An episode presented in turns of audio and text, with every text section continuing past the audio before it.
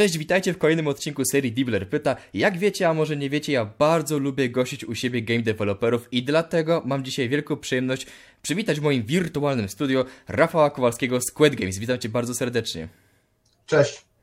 Rafale, zacznijmy proszę od samego początku. Jak właściwie zaczęła się twoja przygoda z game devem? Hmm, myślę, że tutaj to musimy podzielić na dwa, tak jakby dwa aspekty, hobbystyczny i profesjonalny. Mhm. Tak więc zaczęło się oczywiście od, od hobbystycznego, tak, to jeszcze w zesz- nawet w zeszłym wieku, jak tak yy, pomyśleć, to jako wczesny nastolatek korzystałem z takiego softu Click and Play, nie wiem czy kojarzysz. Kojarzę, tak, tak. No i byłem mega fanem, robiłem pełno platformówek w nim i tak dalej. Potem, e, potem to e, bardziej zaawansowana wersja to był The Games Factory i Multimedia Fusion. Mhm. I potem e, do Multimedia Fusion wyszły, wyszły potem jeszcze pluginy, że można było robić mobilki. No i trzas, natrzaskałem tych mobilek na Androida przede wszystkim. E, tak więc to, to, były, to były moje początki. E, potem e, pracowałem w Konstrakcie i robiłem gry przeglądarkowe. Tam kilka fuch się z, z tym trafiło. Mhm. No i potem wydałem w 15 roku, wydałem pierwszą grę na, na, na Steama, właśnie zrobioną w Konstrakcie. Mhm. Natomiast no, profesjonalnie to trochę tak byłem, tak trochę skakałem, tak? Najpierw zacząłem z 15 lat temu jako, jako game designer mobilek, tylko jeszcze mobilek takich na Javie, nie wiem czy kojarzysz. Jeszcze pamiętam. Tak, to było jeszcze przed iPhone'em i Androidem. E, no i potem, potem przez, przez kilka lat pracowałem e, już przy nudniejszych projektach, prowadziłem projek e, projekty takie stricte komercyjne, aplikacji mobilnej z takich systemów IT. Mhm. Pięć lat temu właśnie zrobiłem tą, tą moją prostą grę w konstrakcie na, na, na Steama, a od trzech lat właśnie pracuję w, w QED Software nad, nad grą, która jest nad grą i produktami blisko związanymi ogólnie z AI. Jasne. A powiedz mi, ponieważ w Quet Games ostatnio wydaliście grę pod tytułem Tactical Troops Anthracite Shift. I ja, czy mógłbyś opowiedzieć mi coś o tej grze? Jak właściwie narodził się pomysł na nią? No, pomysł, pomysł miałem w głowie od naprawdę bardzo wielu lat. To był, mam w głowie kilka takich różnych mechanik, które Aha. czasami y, zbieram, wy, wyciągam lepiej i, i, i, i, z tego tworzę jakiś koncept na grę.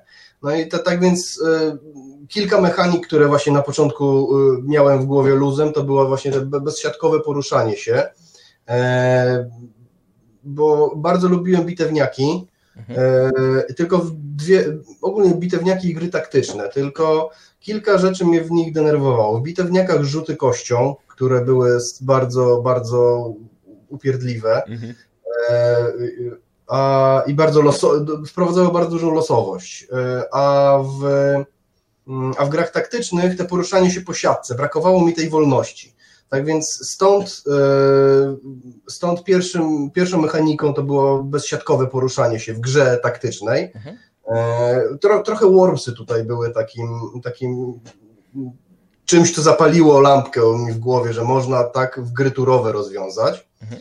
Potem, e, a, a potem właśnie, żeby wyeliminować te rzuty kostką, to tak marzyłem sobie, żeby w grze wszystkie wystrzały, rzuty granatami i tak dalej były po prostu oparte na fizyce. Mimo, że to jest gra taktyczna, to można tak naprawdę wystrzelić, wyrzucić jakiś pocisk, e, który będzie fizycznie obiektem w grze, a nie będzie po prostu losowane prawdopodobieństwo trafienia, tak? Mhm. To, to, to, to były takie korowe, korowe mechaniki. E, I e, trzecia, najważniejsza mechanika to były właśnie teleporty, że teleporty nie tylko teleportują jednostki, no ale też pociski, granaty, czy nawet można przepchać skrzynkę przez ten teleport i w ten sposób E, bardzo zwiększa się właśnie w grze taktycznej na dosyć niewielkim terenie, e, zwiększamy możliwości tak, zajścia przeciwnika. Nie, nie, nie, zawsze go mamy z frontu, ale możemy go przeteleportować się na jego tyły, albo nawet, nie wiem, rzucić granat pod jego nogi, e, jak kiedy się tego nie spodziewa. Tak więc przyszedłem tak naprawdę do, do, do firmy z pomysłem na grę, a potem jak się okazało, była ona bardzo dobrym poligonem doświadczalnym do rozwijanego wtedy frameworka AI. Zrobiliśmy prototyp, pojechaliśmy na PGA, gra się zarówno spodobała osobom odwiedzających, odwiedzający, uczestnikom PGA, jak i nam samym. Dlatego postanowiliśmy potem, że po prostu wydamy ją jako niezależny produkt. Mhm. No właśnie, ponieważ na e, karcie Steam waszej gry piszecie o czymś, co się nazywa Grail, czyli taki wasz, jeśli dobrze zrozumiałem, własny silnik napędzający sztuczną inteligencję w grze. Mhm. Czy mógłbyś mi powiedzieć coś więcej i właściwie czym, czym jest Grail i jak on działa? Mhm. Yy, Grail to framework do, framework do gier, yy, framework AI do gier. Umożliwia całkiem takie szybkie i łatwe yy, dodawanie zaawansowanej sztucznej inteligencji do gier. Hmm. Używa między innymi tam systemów użyteczności, planerów, MCTS-a, czyli Monte Carlo Research. W Trupsach wykorzystujemy mm, te, te Graila na trzech poziomach. Na poziomie strategicznym, który odpowiada za decyzje typu czy atakować przeciwnika, czy na przykład zająć control pointa taktycznym, który odpowiada za decyzje dotyczące na przykład pozycjonowania jednostek e, lub wyboru celu do zabicia. Mhm. E, oraz e, jed, tak, poziom po prostu jednostki, gdzie wy, wybór ścieżek i tak dalej. No i jak się okazało, to poziom jednostki był największym wyzwaniem dla nas ze względu na, mm, mm, na tą mm, płynność ruchu. Nie mieliśmy siatek, mhm. E, tylko wszystko odbywało się na fizyce, na przesuwaniu jednostek. Dodatkowo wszystkie beczki, skrzynki e, mo można było przesunąć, dlatego trzeba było dynamicznie przeliczać e, siat możliwą siatkę ruchu. No i te, oczywiście teleporty, które dawały też dodatkową, dodatkową możliwość. I co potem okazało się, E, jak już nauczyliśmy AI korzystać z tych teleportów, no to e, e, naprawdę bardzo dobrze z nich korzystało. Tak więc bardzo często nas zaskakiwało, że w momencie, kiedy się nie spodziewaliśmy, łap, dostaliśmy strzała przez teleport. Aż za dobrze tak, było, tak? Skynet się narodził i tak dalej. Czy jakby Grail to był taki fajny system, który też ułatwił wam po prostu pracę na tym, tak? Że yy, to było takie narzędzie deweloperskie, można powiedzieć. Tak, tak. Znaczy, yy, tak naprawdę yy, z, jak ja przeszedłem, to Grail był już w połowie mhm. zrobiony, tak? Więc on to nie na początku to nie było tak, że był Grail był dla gry, tylko gra była tym prototypem do, y, y, do pokazania możliwości, mhm. Y, możliwości tego Graila. No i potem to już tak wyewoluowało samo. Słyszycie game developerzy, nawet jeśli w tym momencie robicie gry mobilne, a nie to właśnie marzy, to nie, nie, nie zmienia to faktu, że za kilka lat możecie zrobić bardzo oryginalną grę taktyczną z fajnym AI, jak to nasz kolega Rafał. No właśnie, ponieważ ale w tym momencie mamy duże zatrzęsienie w ogóle studiów e, indie. Mnie to się bardzo podoba, bo powstaje bardzo dużo fajnych, wartościowych gierek, ale wydaje mi się, że bardzo dużo zespołów jakby wchodzi w tę branżę nie do końca znając jej realiów. Eee, dlatego powiedz mi z waszego doświadczenia, jakie już, jak już macie, co jest największym wyzwaniem dla niezależnych twórców, którzy chcą wydać grę? Eee, no, pierwsze co mi przychodzi do głowy to ogromna konkurencja. Jest jest e, za, zarówno czy, czy robimy mobilki, czy pecety, czy gry na pecety, e, Steam, App Store, Google Play są, są no, jest zatrzęsienie gier. Dodatkowo do tego dochodzi e, też to jest też spowodowane dosyć niskim progiem wejścia w tym momencie, do, zarówno do tych sklepów, jak i w ogóle do robienia gier, dzięki silnikom, które no, w tym momencie nauczyć się robienie, robienia gier, to po prostu jedyne co trzeba mieć to samo zaparcie, tak? bo to już nie wymaga mhm. E, dłubania w assemblerze, tak? tak więc to jest e, w tym momencie jest to bardzo łatwe. No i przebicie się przez masę gier, które są na, na Steamie. Na Steamie chyba nie wiem, jakieś 500, 700 gier miesięcznie wychodzi. To jest, to jest e, po prostu no, kosmiczna konkurencja. Mhm. To, jest, to jest chyba największe, tak naprawdę, największe wyzwanie. O. Gdzieś tam trzeba znaleźć jakiś sposób, żeby się wybić w tym natłoku gierek, prawda? Tak, tak, tak, tak. Miałbyś jeszcze jakieś może rady dla młodych twórców? Może tak, jeżeli rzeczywiście jesteś yy, całkowicie zaczynasz, mhm. tak, od, yy, to zacznij od czegoś prostego, ale to skończ. Mhm. Tak? Czyli zrób, wymyśl sobie, że zrobisz, nie wiem, platformówkę z trzema levelami. To zrób platformówkę z trzema levelami, zrób do niej menu, zrób, e, nie wiem, jedną postać, trzech przeciwników i zrób ekran podsumowania, jak dojdziesz do, po trzecim levelu, i, i wrzuć, wrzuć tą grę na, na itch.io na przykład i tak dalej, Ko, skończ, skończ grę, bo największym, największą bolączką początkującego, y, to też nawet nie początkującego, nawet już kogoś, kto, kto, kto wiele lat się tym zajmuje, to jest problem taki, że ma bardzo dużo otwartych prototypów. Mhm. Ja na przykład e, w, e, ostatnio zliczyłem, mam 70 różnych prototypów gier w szufladzie na bardzo różnym poziomie. Tak więc i oczywiście za, każdym razem sobie obiecuję, no te, mhm. pokończę te projekty, ja je pokończę. No i jak się okazuje, właśnie to, to, to nie, zawsze, nie zawsze się udaje. Tak więc coś małego, ale zrób do końca, żeby, żeby, żeby bo to potem jak się wyda y, grę, to jest, na, nawet jeżeli ona nie zdobędzie jakiejś popularności, to jest y, ogromna satysfakcja. Ja, ja, przy, ja przynajmniej tak się, ba, bardzo się cieszę tym, że jak się uda po prostu skończyć, y, skończyć grę. I druga rzecz, pobaw się silnikami gier.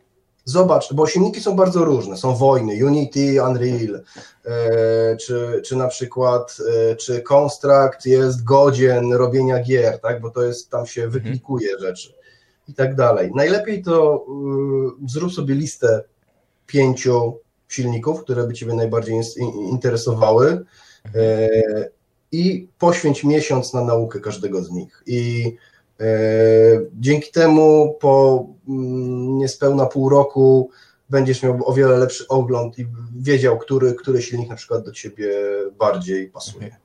Okay, czy jakby tak reasumując e, twoim zdaniem dla młodych twórców, fajne jest to, żeby nie rzucali się od razu i nie, nie robili GTA, tylko żeby sobie zrobili jakąś taką prostą gierkę i nawet to pokazać, gdzieś to wypchać, pokazać A. ludziom, żeby zdobyć na doświadczenie i taką pewność siebie, tak? Tak, jak najbardziej. Nie róbcie MMO.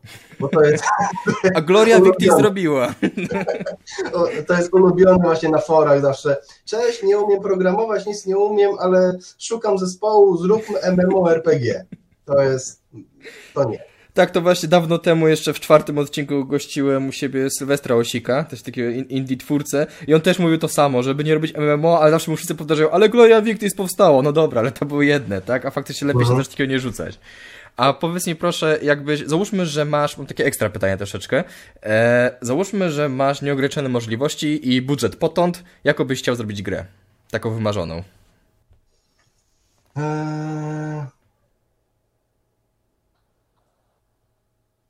Myślałem o czymś, mm, o takim shooterze z wielkim otwartym światem, tak? mhm. tak? Coś, coś, czemu moim zdaniem na przykład Rage 2 nie, nie, podo, nie podołało. Mhm.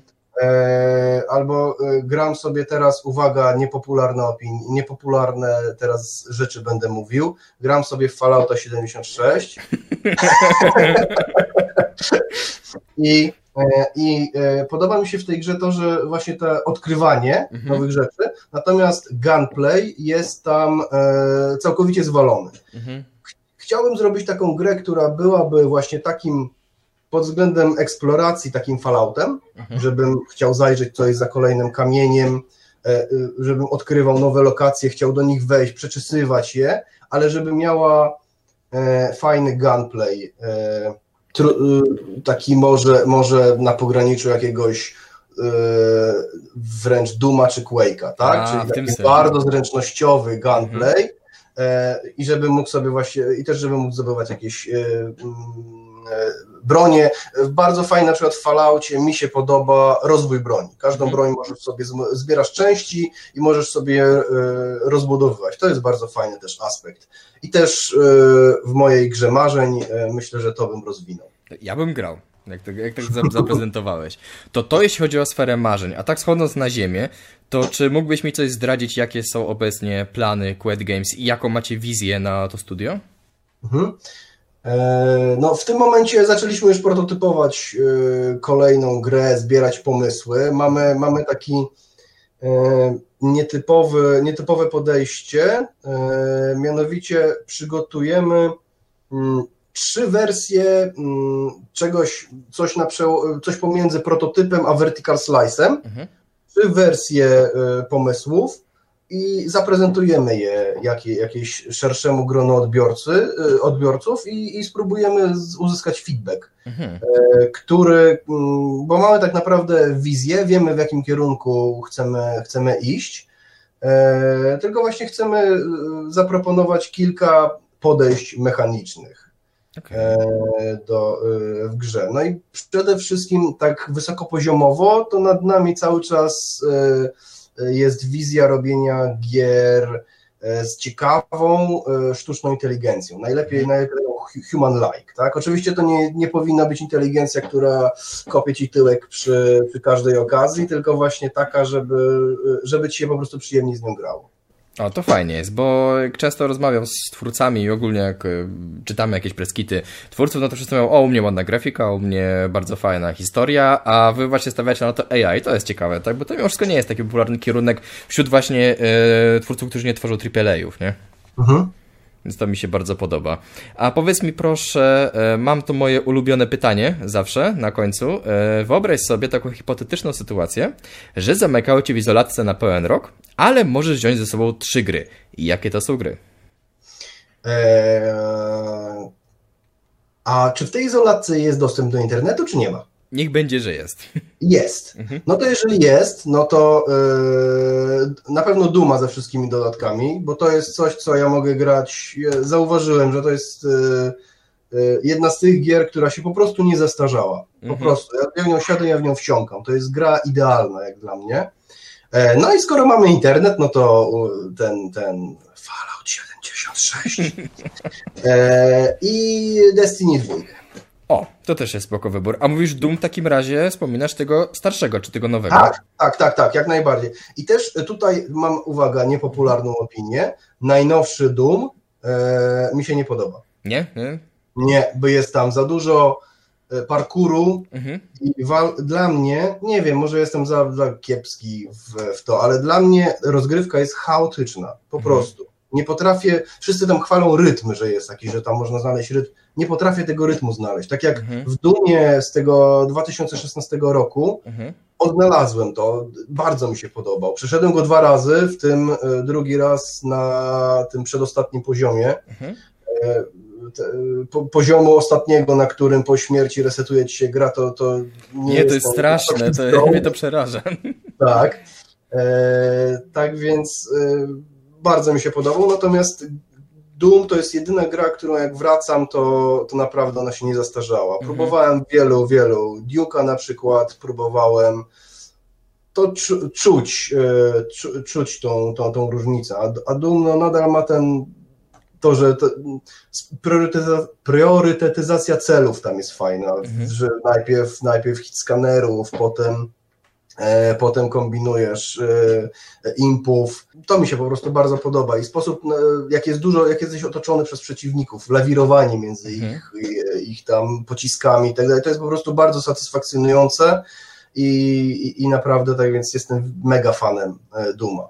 E, a jeżeli nie ma internetu, Mhm. to oprócz, to oprócz Duma, to e, wziąłbym Advance Wars na Game Boy Advance. Nie wiem, czy kojarzysz. Koja- nie gra- przyznaję, że nie grałem, ale kojarzę.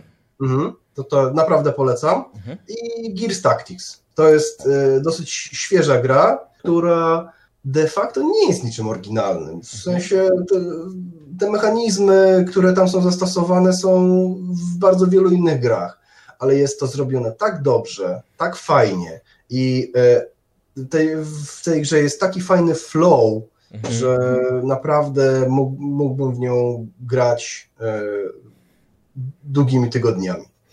Widzę już tutaj wzór, że jednak najbardziej strzelanki i gry taktyczne, co? Że to jest chyba Tak, to, co tak, najbardziej tak, lubisz. zdecydowanie tak. E, Dużo strzelania, trochę myślenia i trochę odkrywania. O, to jest Moim zdaniem idealne połączenie, słuchaj. moje, moje ideały growe. Dobrze. To słuchaj, to Rafał, ja bym Ci chciał strasznie podziękować za to, że znalazłeś czas na ten wywiad. E, Czekam e, niecierpliwie w takim razie w przyszłości na tę strzelankę o otwartym świecie, ale także i na te bliższe e, kolejne gry Quad Games. Tactical Troops bardzo polecam zerknijcie, bo jak słyszeliście, jest to gra taktyczna, ale taka inna gra taktyczna. Jest tak. To jeszcze raz, moim gościem dzisiaj był Rafał Kowalski. Rafale, bardzo Ci dziękuję. Ja również, dzięki. Nie mam w mózgu tej części umożliwiającej granie na konsolach, na padach, y, na padach w, FPS. Nie Ale słuchaj, ja stanie. mam... Oj, czekaj, bym się odłączył... e, Słuchawki. Wiesz co, ja mam i tak samo, identycznie. Ja na przykład, e, ja bardzo lubię grać na konsoli, e, ale jak Duma kupowałem, to musiał być na PC-ta. Inaczej tego nie Oczywiście, widziałem. dokładnie tak samo mam, tak.